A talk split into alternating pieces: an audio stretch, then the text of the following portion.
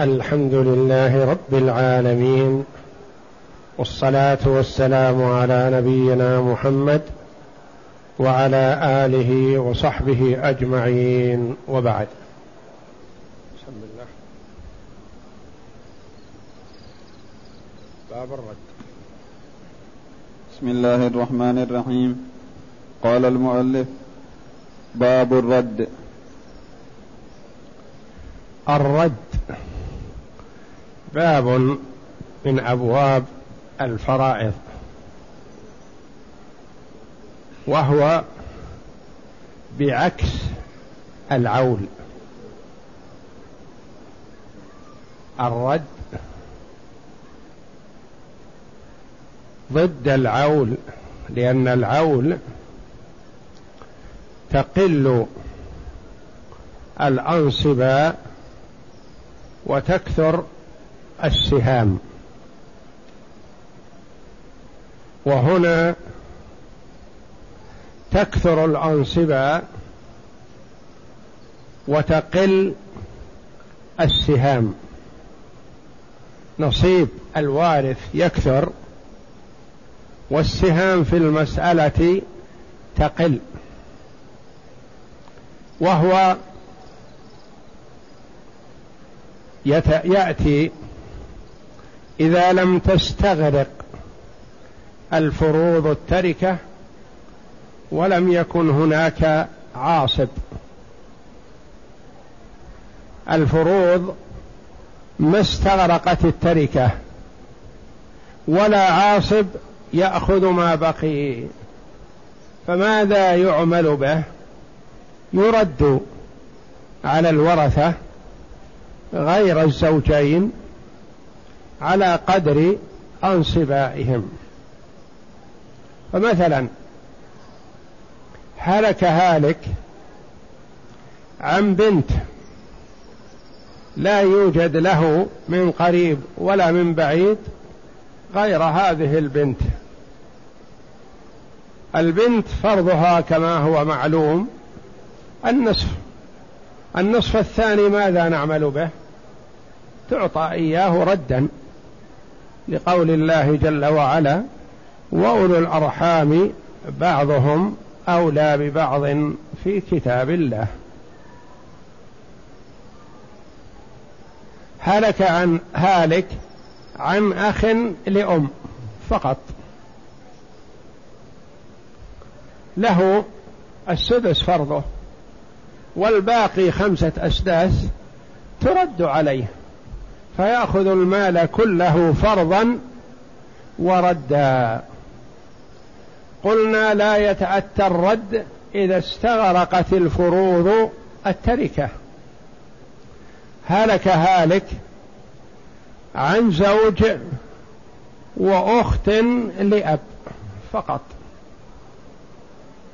الزوج فرضه النصف الأخت لأب فرضها النصف. استغرقت الفروض التركة ما بقي شيء.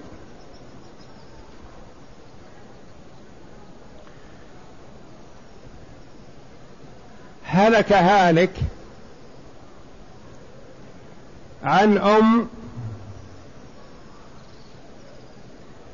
وأخ لأم وزوج. المسألة من ستة. للزوج النصف ثلاثة وللأم الثلث اثنان وللأخ لأم السدس واحد. استغرقت الفروض التركة ما بقي شيء. لا رد حينئذ.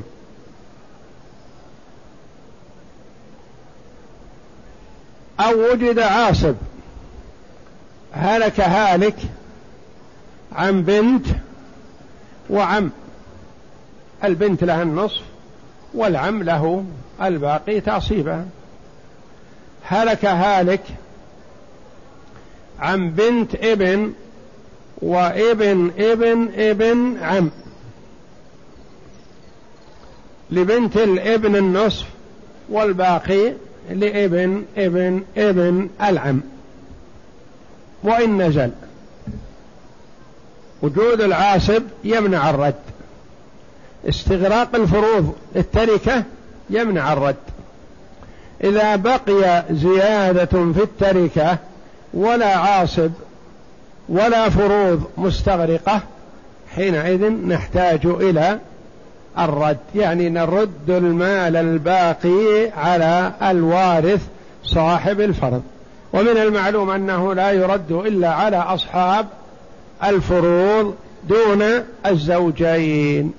لأن الرد هذا من أجل القرابة من أجل الرحم للآية الكريمة التي سمعناها. وأولو الأرحام بعضهم أولى ببعض في كتاب الله. والزوج أو الزوجة ليسوا من القرابة. الغالب أنهم ليسوا من القرابة. وقد يكونوا من القرابة فياخذوا نصيبهم كغيرهم. قد يكون الزوج عاصب زوج وابن عم.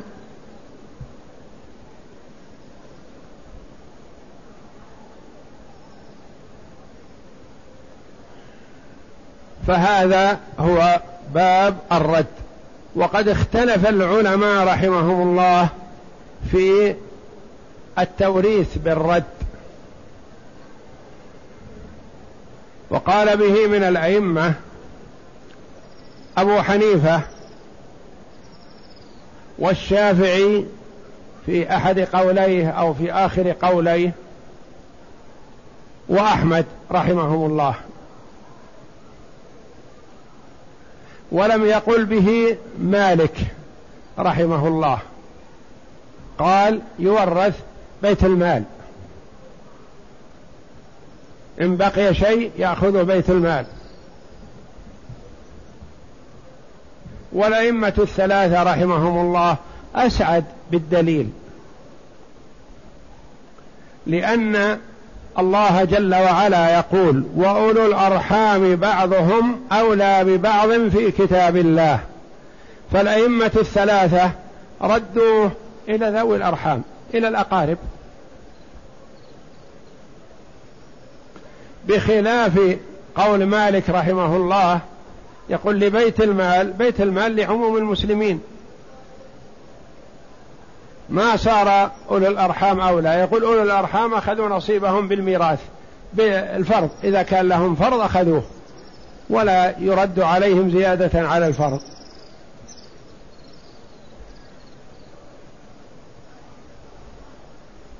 اقرأ. ما معنى الرد لغة واصطلاحا ومن قال به؟ يسأل المؤلف رحمه الله يقول ما معنى الرد لغة؟ وش معنى لغة؟ يعني في لغة العرب.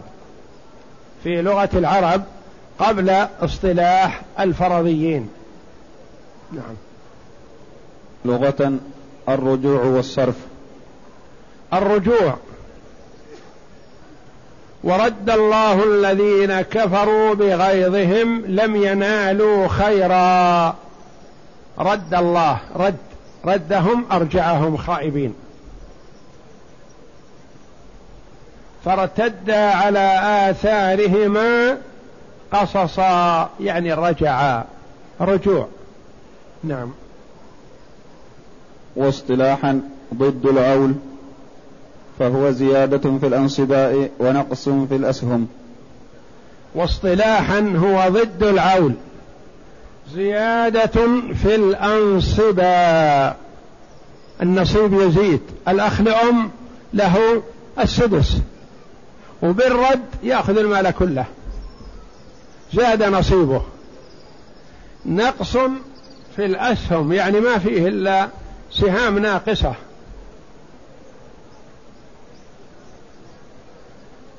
أخ لأم وأخت لأم. الأصل نصيبهم الثلث. فيأخذون المال نصفين. سوا سوا. بالرد. فالأنصبة زادت. بدل ما يأخذ السدس أخذ النصف كامل. نقص في الأسهم يعني ما في المسألة إلا ثلث في السهام. ما فيه سهام إلا ثلث فقط.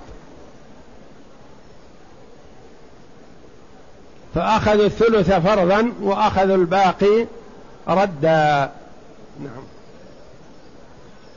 وبه قال أحمد وأبو حنيفة والشافعي رحمهم الله.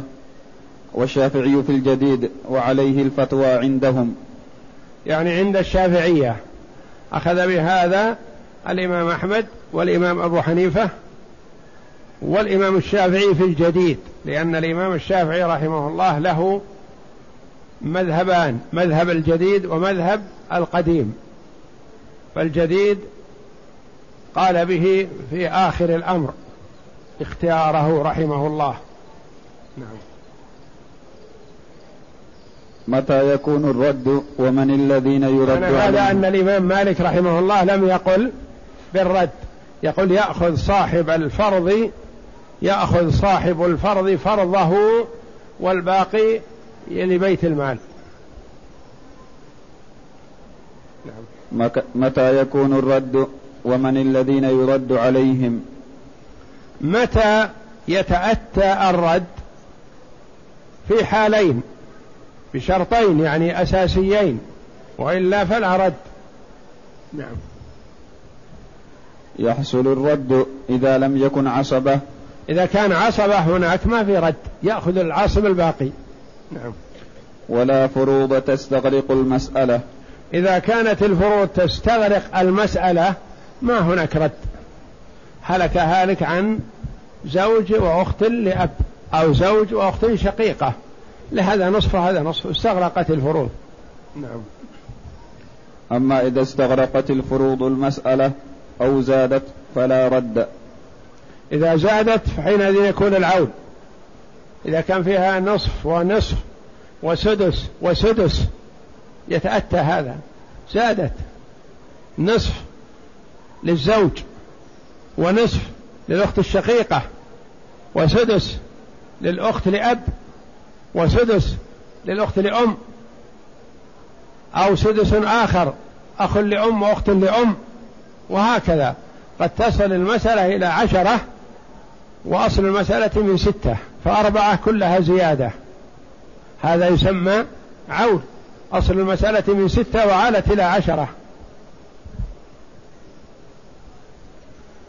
ويرد الفاضل عن الفروض على أهل الفروض بقدر فروضهم. غير الزوجين فلا يرد عليهما. يرد على كل صاحب فرض لأن صاحب التعصيب ما يحتاج إلى رد يأخذ كل ما بقي. بقي قليل أو كثير يستغرقه.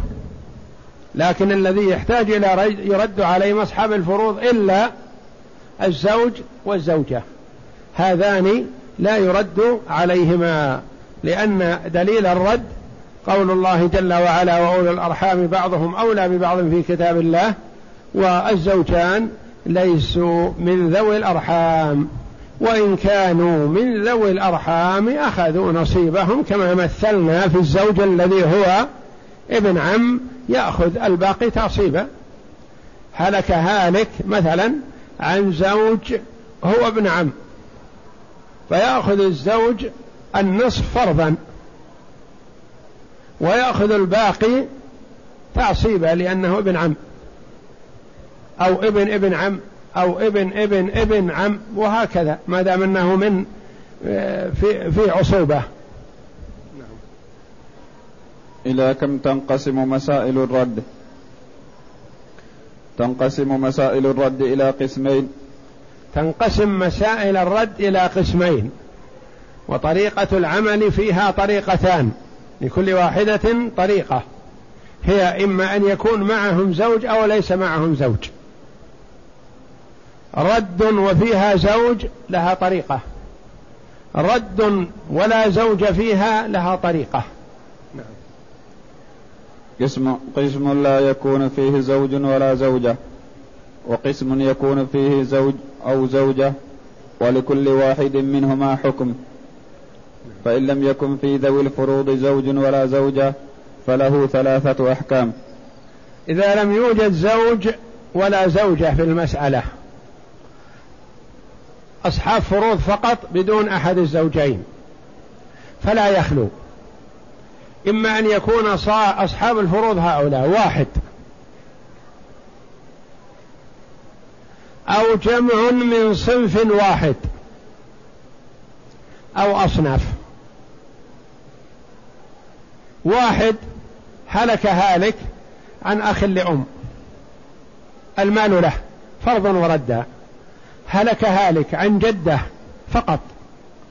المال لها فرضا وردا هلك هالك عن أم. المال لها فرضا وردا وهكذا. واحد يأخذ المال كله فرضا وردا. الحالة الثانية الصفة الثانية أن يكون صنف متعدد. ثلاث يدات. المسألة من عدد رؤوسهن من ثلاثة فرضا وردا. ثلاثة إخوة لأم. المسألة من عدد رؤوسهم فرضا وردا. سبعة عشر أخ سبعة عشر أخت. لأب. المسألة من عدد رؤوسهن فرضا وردا. سبع أخوات شقائق. من عدد رؤوسهن فرضا وردا لأنهم بالفرض يأخذن الثلثين والباقي يأخذنه ردا. إذا كانوا صنف متعدد فمن عدد رؤوسهم. الحال الثالثة إذا كانوا أصناف صنفان أو ثلاثة ولا يتجاوز أصحاب الرد ثلاثة أصناف لأنها إذا زادوا عن ثلاثة أصناف انتهى ما بقي شيء. ما بقي شيء يحتاج إلى رده استغرقت الفروض المسألة. لكن ما تستغرق إذا كانوا صنفين أو ثلاثة أصناف يبقى شيء. وفي هذه الحال نجعل الأصل من ستة لأنه ينقسم عليهم. ثم نردها حسب أنصبائهم. نعم. الأول إن كان من يرد عليه شخصا واحدا فله المال فرضا وردا. كما مثلنا جدة فقط. أخ لأم فقط. أخت شقيقة فقط. بنت ابن فقط. يأخذن المال فرضا وردا. إذا كان جدة فرضها السدس والباقي رد. وإن كان هي أم فرضها الثلث والباقي رد. وإن كانت بنت أو بنت ابن ففرضها النصف والباقي رد. وهكذا. مثاله جدة لها المال فرضا وردا أو بنت لها المال فرضا وردا الثاني أن يكون من يرد عليه صنفا واحدا متعددا. صنف واحد متعدد. بنات أخوات بنات ابن جدات وهكذا. فالمال بينهم بالسوية. فيكون أصل مسألتهم من عدد رؤوسهم كالعصبة. إخوة لأم مثلا. سبعة إخوة لأم. المسألة من عدد رؤوسهم. مثاله ثلاث بنات أو ثلاث جدات أو خمسة إخوة. المال بينهم بالسوية على عدد إخوة لأم اكتبها لأم لأنه إذا كانوا إخوة أشقة أو لأب ما يصلح. هؤلاء عصبة لكن خمسة إخوة لأم.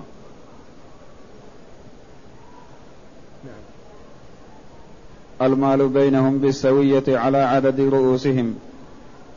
الثالث أن يكون من يرد عليه صنفين أو ثلاثة ولا يتجاوز من يرد عليه ثلاثة أصناف لأنهم إذا جاوزوا الثلاثة لم يكن في المسألة رد بل تكون مستغرقة أو زائدة.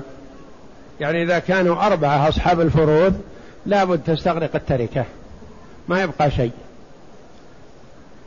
ففي هذه الحالة يكون أصل مسألتهم من عدد سهامهم مقتطعة من أصل أولا من أصل ستة.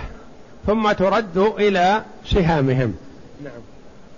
مقتطعة من أصل ستة دائما فإن, فإن انتفى الكسر صحت من ذلك الأصل. وإلا فاضرب جزء السهم في أصل مسألتهم. وهو عدد السهام المأخوذة من أصل ستة. وصحح كما تقدم.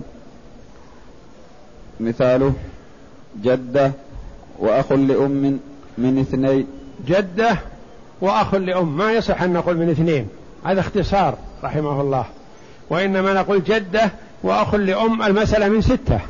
لأن الجدة صاحبة سدس والأخ لأم صاحب سدس. فالمسألة من ستة. نعطي الجدة واحد ونعطي الأخ لأم واحد ثم نجمع الأنصبة هذه. واحد وواحد كم؟ اثنان. رديناها إلى اثنين. وشطبنا على الستة. لكن الأصل الستة. نعم. للجدة السدس وللأخ السدس فهما اثنان فتكون المسألة من اثنين وصورتها ومثال آخر أم وأخوين لأم المسألة من ثلاثة. لا هذا اختصار. المسألة من ستة أم وأخوين لأم المسألة من ستة. للأم السدس. لوجود الجمع من الإخوة. وللإخوة لأم اثنان الثلث. نجمع اثنين وواحد ثلاثة. رددنا المسألة إلى ثلاثة. نعم. للأم الثلث وللإخوة ثلثان.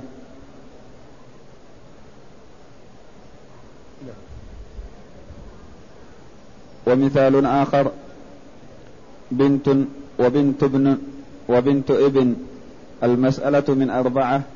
للبنت ثلاثة أرباع المال ولبنت الابن ربعه. أول خطوة كلها نقول المسألة من ستة. كل مسائل الرد أول أصلها من ستة.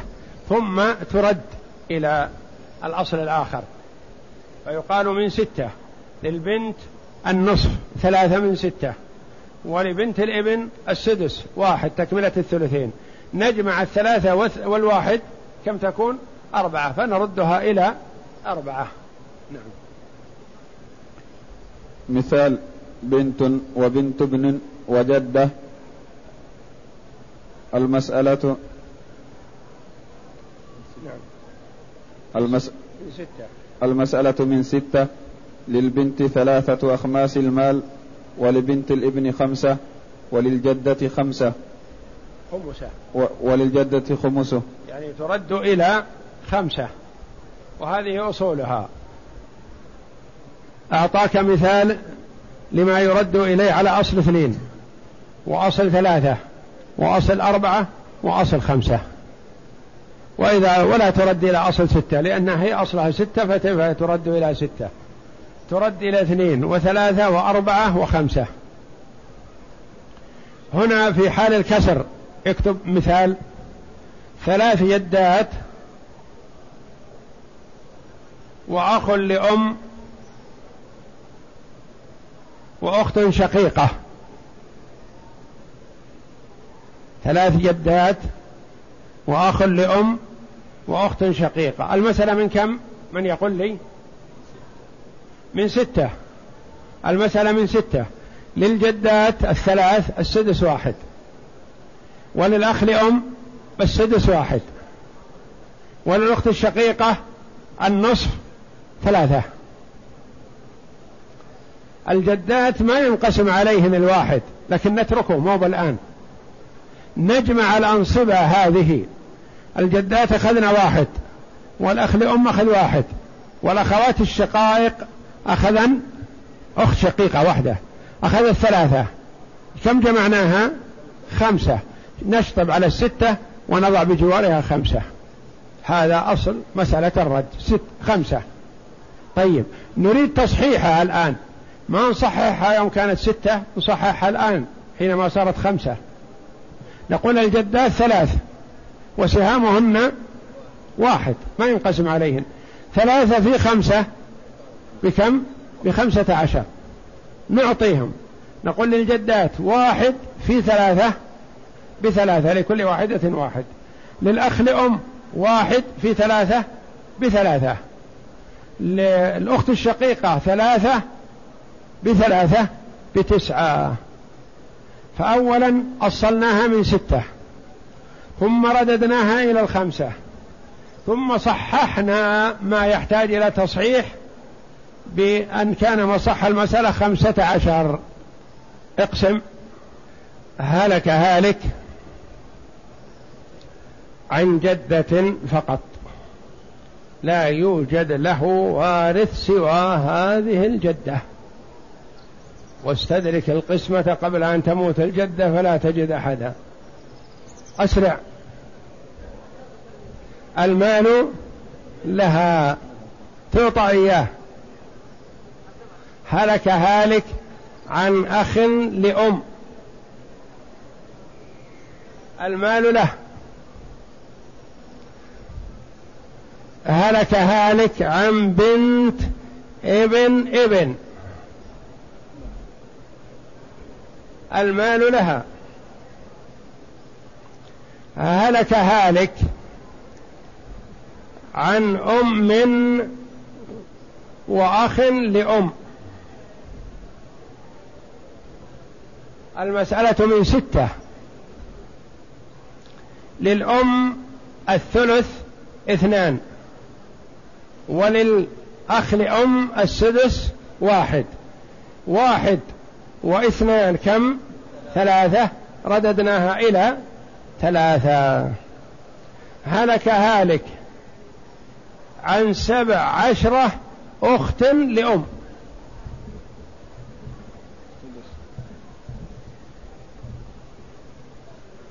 من عدد رؤوسهن. يأخذن المال من عدد رؤوسهن سبعة عشر فرضا وردا. لكل واحدة سهم من سبعة عشر فرضا وردا. هلك هالك عن ثلاثة إخوة لأم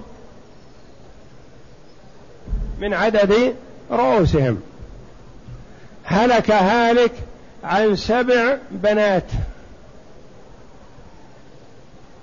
من عدد رؤوسهن فرضا وردا. هلك هالك. عن بنتين وجدة. بنتين وجدة. المسألة من ستة. إذا جاءك أصناف متعددة أول ما تبدأ به من ستة. للجدة السدس واحد. وللبناء ولل وللبنات الثلثان كم؟ أربعة. رددنا المسألة إلى كم؟ إلى خمسة. هلك هالك عن أم وأخت شقيقة وأخت لأب.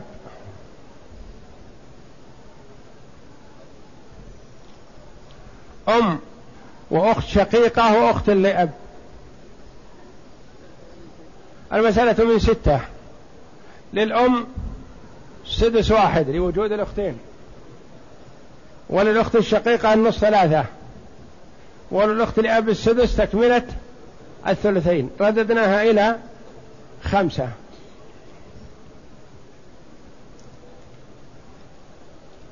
هلك هالك.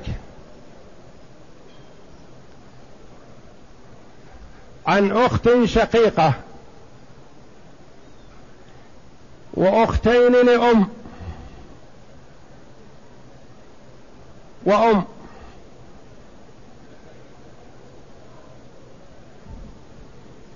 المسألة من من ستة. هل فيها رد أولا ولا لا؟ أخت شقيقة وأختين لأم وأم. المسألة من ستة. وقد استغرقت الفروض المسألة. ما بقي شيء ليس فيها رد. هذه تسمى قسمة مسألة عادلة. عادلة. للأم السدس وللأخت الشقيقة النصف وللأختين لأم الثلث. هذه ستة.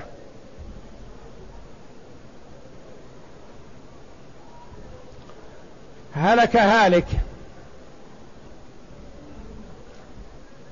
عن أخت شقيقة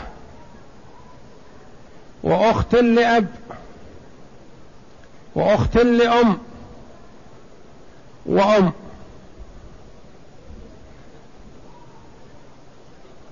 الأخوات الثلاث شقيقة لأب لأم وأم. المسألة من ستة. للأخت الشقيقة النصف ثلاثة وللأخت لأب السدس تكملة الثلثين. والأخت لأم السدس وللأم السدس. ليس فيها رد. هذه فيها أربعة أصناف ما يتأتى. الرد مع الأربعة الأصناف أبدا. لو حذفنا واحد من هؤلاء بقي رد. لكن ما داموا أربعة أصناف أخت شقيقة وأخت لأب وأخت لأم وأم أربعة أصناف ما يتأتى فيها رد أبدا. لأن الأربعة الأصناف لا بد أن تستغرق التركة. ذلك عن سبعة إخوة لأم وجدة. سبعة إخوة لأم وجدة. سبعة إخوة لأم وجدة. المسألة من ستة. للإخوة لأم السبعة كم لهم؟ الثلث اثنان. والجدة لها السدس واحد. رددناها إلى ثلاثة. الإخوة لأم رؤوسهم سبعة وسهامهم اثنان منكسر.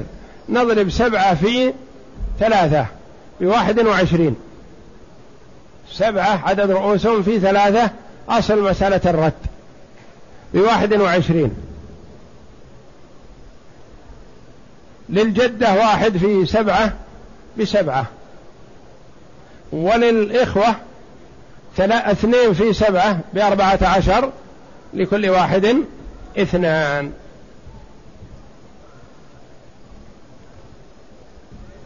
رؤوسهم سبعة ومسألتهم من ثلاثة. سبعة في ثلاثة بواحد وعشرين. صحت؟ من واحد وعشرين. لل للجدة واحد في سبعة بسبعة وللإخوة لأم اثنان في سبعة بأربعة عشر لكل واحد اثنان. هلك هالك.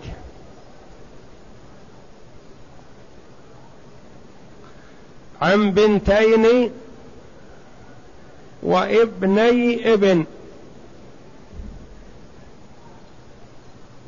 بنتين وابني ابن. المسألة من؟ من ثلاثة. المسألة من ثلاثة. للبنتين الثلثان اثنان والباقي واحد لبنات لابني الابن تعصيبا ولا رد في هذه المسألة لأنه وجد فيها عاصب. هلك هالك انتبه. عن خمس جدات أحسنت. ما يتأتى ما يصلح أن نقول من عدد رؤوسهن لأنه ما يمكن يرث خمس جدات جميع في آن واحد. أكثر ما يرث ثلاث ثلاث جدات. من قبل الأم من قبل الأب ومن قبل أبي الأب. بشرط تساويهن. ليسوا كالإخوة لأم. ممكن الإخوة لأم نقول هلك هلك عن واحد وعشرين أخ لأم. أم مباركة هذه ما شاء الله. من كل واحد من كل رجل ابن.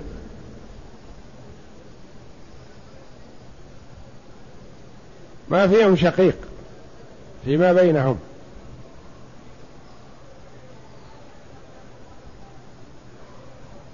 هلك هالك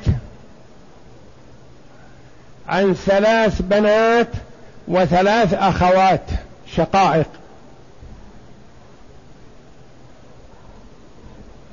المسألة من ثلاثة ولا رد فيها لأن فيها عاصب. والأخوات إن تكن بنات فهن معهن معصبات. للبنات الثلثان اثنان والباقي للأخوات تعصيبا.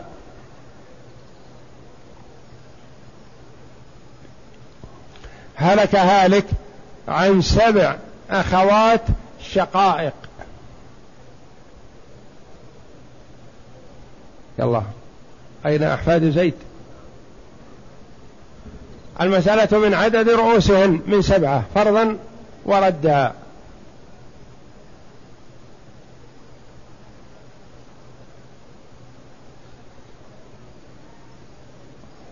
هلك هالك عن ثلاثة إخوة لأم وست أخوات لأم. ثلاثة إخوة وست أخوات كلهم لأم.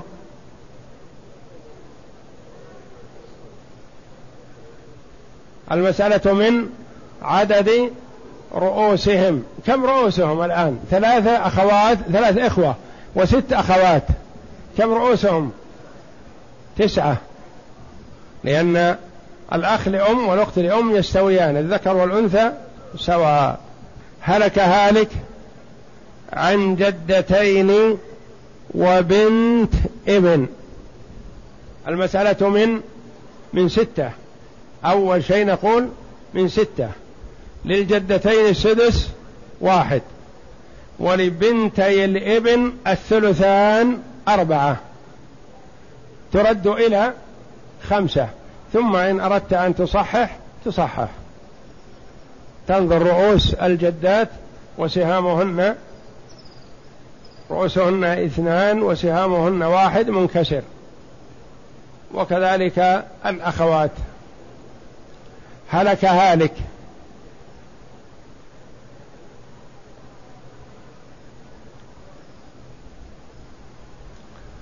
عن أم وثلاث أخوات متفرقات. قد يقول لك كذا. هلك هالك عن أم وثلاث أخوات متفرقات. يعني متفرقات شقيقة لأب ولأم. وهل فيها رد هذه؟ يتأتى الرد فيها أو لا؟ المسألة من ستة ولا يتأتى فيها الرد لأنها أربعة أصناف. إيش معنى أربعة أصناف؟ الأخت الشقيقة صنف الأخت لأب صنف الأخت لأم صنف الأم صنف. أربعة أصناف. أربعة أصناف ما يتأتى فيها رد. تستغرق الفروض المسألة. فتأخذ الأم السدس وتأخذ الأخت لأم السدس وتأخذ الأخت لأب السدس. هذه ثلاث أسداس وتأخذ الأخت الشقيقة النصف. استغرقت. فما يتأتى الرد إلا مع الصنف الواحد أو الصنفين أو الثلاثة أكثر شيء. هذه مسائل الرد إذا لم يكن في المسألة أحد الزوجين. وذلك لا يخلو. إن كان واحدا أخذ المال كله. وإن كان صنفا واحدا فمن فعلى حسب رؤوسهم. وإن كانوا أصنافا فيعطون أنصباءهم من أصل ستة ثم تجمع الأنصباء وترد إليه. مثلا أصل ستة هو الذي يبدأ به. للأم السدس للأخت لأم مثلا السدس للأخت الشقيقة النصف للأختين لأب الثلثان وهكذا من ستة كلها تخرج من ستة. ثم تجمع الأنصبة هذه وتشطب على الستة وتضع العدد الذي تأتت منه الأنصبة. والله أعلم. وصلى الله وسلم وبارك على عبده ورسول نبينا محمد وعلى آله وصحبه أجمعين. يقول السائل عندما ينتهي الطائف من الشوط السابع هل يشير إذا انتهى أو يمر دون إشارة؟ لأن البعض يقول إن الإشارة توحي إنك تأتي بشوط ثامن. عندما يحاذي الحجر الأسود سواء كان في الأول أو الوسط أو الأخير كلها إن تيسر الاستلام أو التقبيل وإلا فالإشارة. لأن الحديث أن النبي صلى الله عليه وسلم كلما حاذى الحجر وكلما حاذى يدخل فيها نهاية السابع أنه حاذى الحجر فهو يستلمه أو يقبله أو يشير إليه مكبرا. يقول لو أصاب الرجل زوجته قبل التحلل الثاني قلتم عليه دم وهل وعلى الزوجة ماذا يجب عليها؟ إذا كانت حاجة ولم تتحلل التحلل الكامل فيجب عليها مثله. وإذا كانت غير حاجة أو حاجة وتحللت التحلل الكامل فلا يجب عليها شيء لأن من أصاب قبل التحلل الأول كما تقدم فسد حجه ويجب عليه المضي فيه. وعليه بدنه ويجب قضاؤه. وأما بعد التحلل الأول فالحج صحيح ويجب عليه هدي. فإن كانت زوجته مثله محرمة ولم تتحلل التحلل الكامل فيجب عليها مثله. وإن كانت غير حاجة أو حجت وتحللت التحلل الكامل فليس عليها شيء. يقول هل يجوز دفن الأطفال مع الكبار في قبر واحد؟ وهل هذا الطفل ينفع الميت الكبير بمعنى أنه يشفع له؟ أما الشفاعة فلا. وأما الدفن الكبير مع الصغير أو الصغير مع الكبير فعند الحاجة إلى ذلك لا بأس. ويحسن أن يجعل بينهما حاجز. ولا يتضرر أحد بالآخر ولا يدري أحدهما عن الآخر لأن أحوال البرزخ تختلف عن أحوال الدنيا. قد يكون الاثنان في قبر واحد أحدهما في روضة من رياض الجنة نسأل الله الكريم فضله والآخر والعياذ بالله في حفرة من حفر النار. ولا يتضرر واحد بالآخر ولا ينتفع أحدهما بالآخر. لأن أحوال البرزخ تختلف عن أحوال الدنيا. فالمنازل الدنيا والبرزخ والآخرة كل واحدة تختلف عن الأخرى.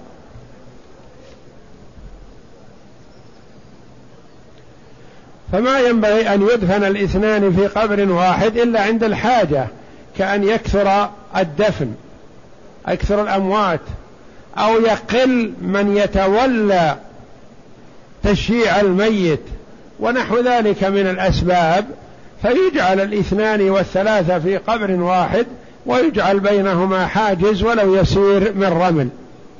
يقول ما هو اسم الصحابي الشهيد الذي غسلته الملائكة؟ هو حنظلة رضي الله عنه لأنه كان جنبا من زوجته رضي الله عنه فسمع الندى فخرج. قبل أن يغتسل مبادرة منه وإسراعا لنصرة إخوانه المسلمين. فخرج فقاتل رضي الله عنه فقتل. فرآه النبي صلى الله عليه وسلم كشف الله له بأن الملائكة تغسله. فسأل النبي صلى الله عليه وسلم أهله يعني الشهداء ما غسلتهم الملائكة؟ وهذا رأى الملائكة تغسله. فسأل أهله صلى الله عليه وسلم فأخبروه الخبر. قال والرجل جنود وسمع الندى فبادر رضي الله عنه. فاستشهد. فغسلته الملائكة عليهم الصلاة والسلام. هو حنظلة رضي الله عنه. يقول رجل أعطى آخر مالا ليقضي له حاجته وبقي بعض المال هل يرده أم يأخذه؟ في حالة لم يطلب رجوعه. هذا لا يخلو. إن كان أعطاه المال لهذا الشيء. مثلا أعطاه مثلا دراهم قال لتكميل هذا المسجد. فكمل المسجد وبقي دراهم فيردها عليه. وإن كان أعطاه المال له ليستعين به في هذا الأمر أو أبدى حاجته فأعطاه المال صدقة عليه. فهذا ينتفع به بأي وجه من وجوه الانتفاع. يسأل في مسألة ربوية طويلة. يقول الأصناف الربوية وما يقاس عليها إذا اختلفت جاز فيها التفاضل كما ورد في الأحاديث. إن كانت يدا بيد. ولكن التجار وأصحاب البقالات وكذا يبيعون الأصناف بالدين على الراتب للأفراد. هذا الأصناف الربوية غير النقدين. لا يجوز فيها أن يباع إلا يدا بيد. إن كانت من صنف واحد فالتساوي والقبض في المجلس. مثلا تمر بتمر. بر ببر هذا لابد أن يكون فيه تساوي وقبض في المجلس. إذا اختلفت هذه الأصناف باع تمرا ببر باع شعيرا ببر يجوز فيها التفاضل ويشترط أن يكون القبض في المجلس. أما في الدراهم فلا.